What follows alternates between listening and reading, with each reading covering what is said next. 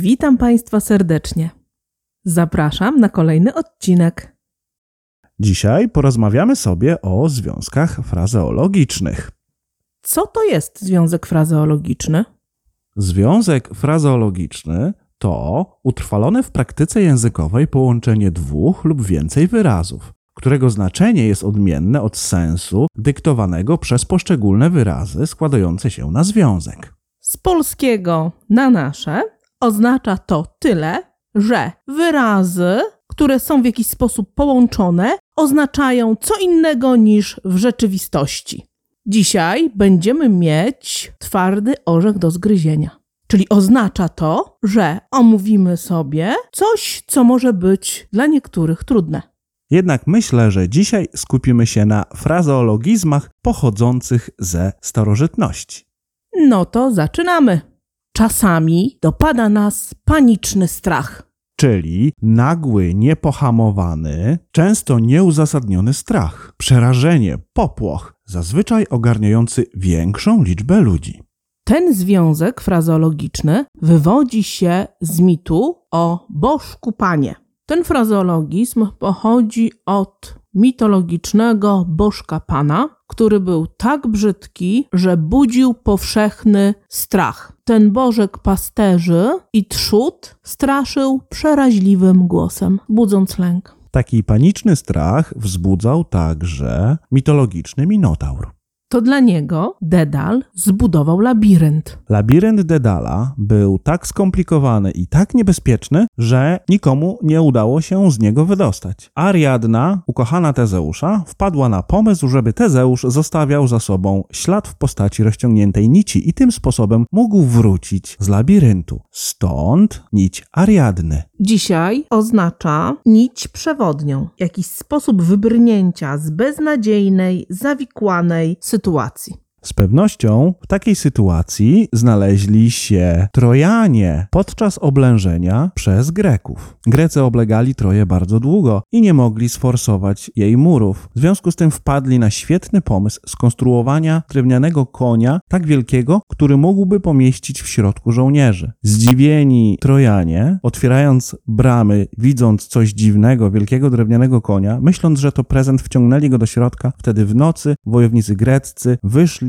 na zewnątrz i otworzyli bramę. Koń trojański to podstęp, fortel, a także coś, co przynosi nam zgubę. Jest to jakiś złowrogi podarunek. Nie bez kozery, koń trojański to jeden z komputerowych wirusów. I z pewnością wtedy, siedząc przed komputerem, cierpimy męki tantala. Czyli mamy dostęp do wszystkiego, potrzebujemy tego, pragniemy i pożądamy, ale coś nam do tego blokuje dostęp. Nie możemy tego dostać.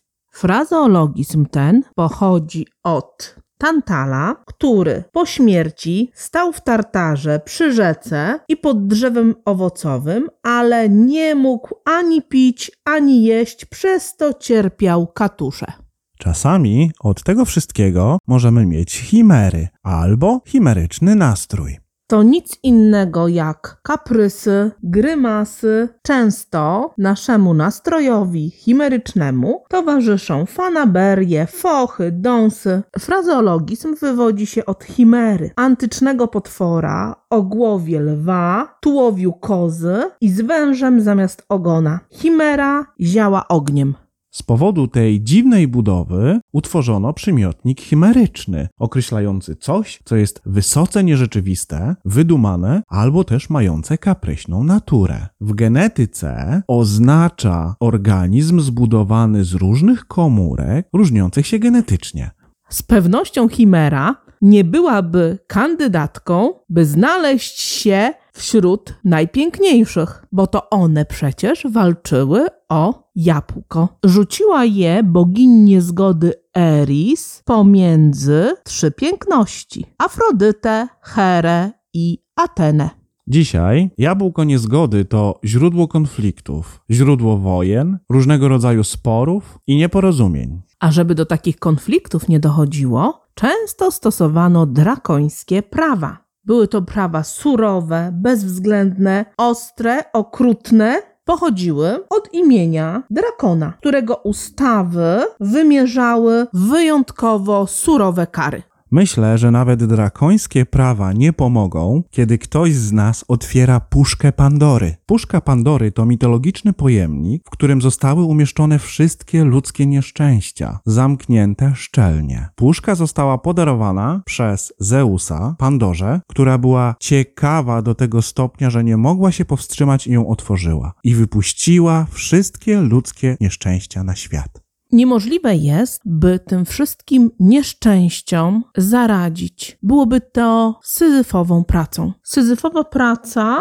to taka, która mimo trudu nie przynosi efektu. To praca daremna, nie mająca końca, skazana z góry na niepowodzenie. Wywodzi się ona od mitycznego króla greckiego Syzyfa, który za swoje liczne przewinienia po śmierci został ukarany w ten sposób, że musiał toczyć na szczyt góry ciężki głaz, który spadał wciąż w dół. Syzyfowe prace to tytuł jednej z powieści Stefana Żeromskiego. Określała ona pracę rusyfikatorów narodu polskiego. Nie dało się przekonać ani prośbą, ani siłą, by zaczął mówić w języku rosyjskim, by przejął kulturę zaborcy. Z pewnością postawa Polaków zasługuje na wieniec laurowy. Wieniec laurowy to nic innego jak symbol najwyższego uznania, najwyższa nagroda. Był to symbol przyznawany przez Rzymian i Greków artystom, uczonym i zwycięzcom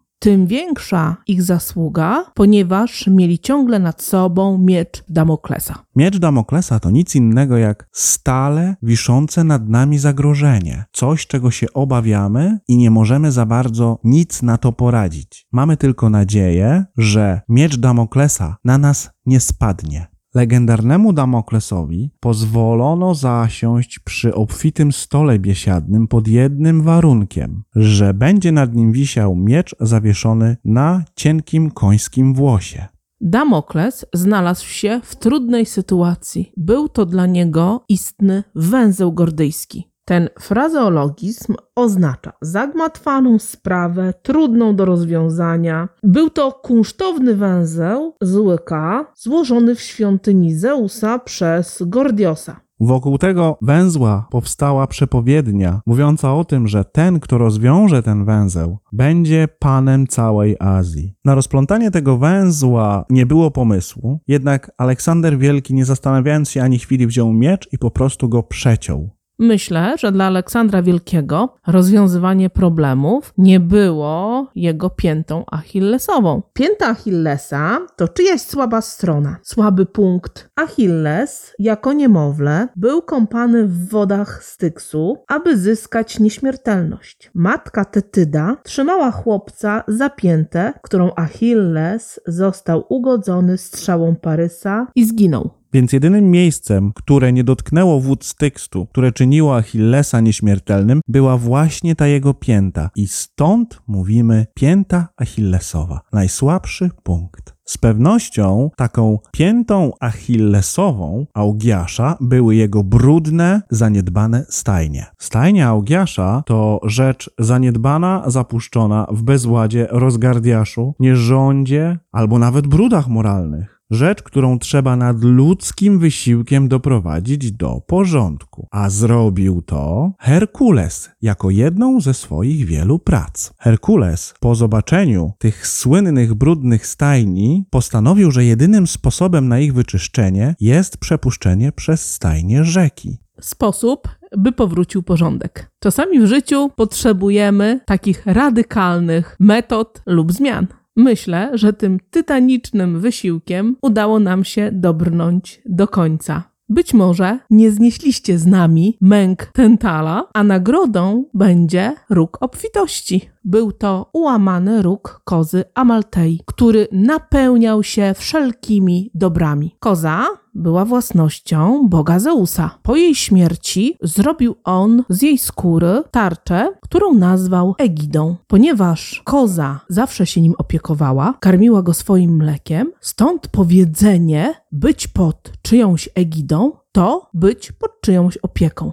Myślę, że wy aż do samego egzaminu w klasie ósmej i do samej matury zostaniecie pod naszą egidą. Dziękujemy za wysłuchanie dzisiejszego odcinka. Zapraszamy na kolejne. Pamiętajcie, że tylko my przełożymy Wam wszystko z polskiego Na nasze.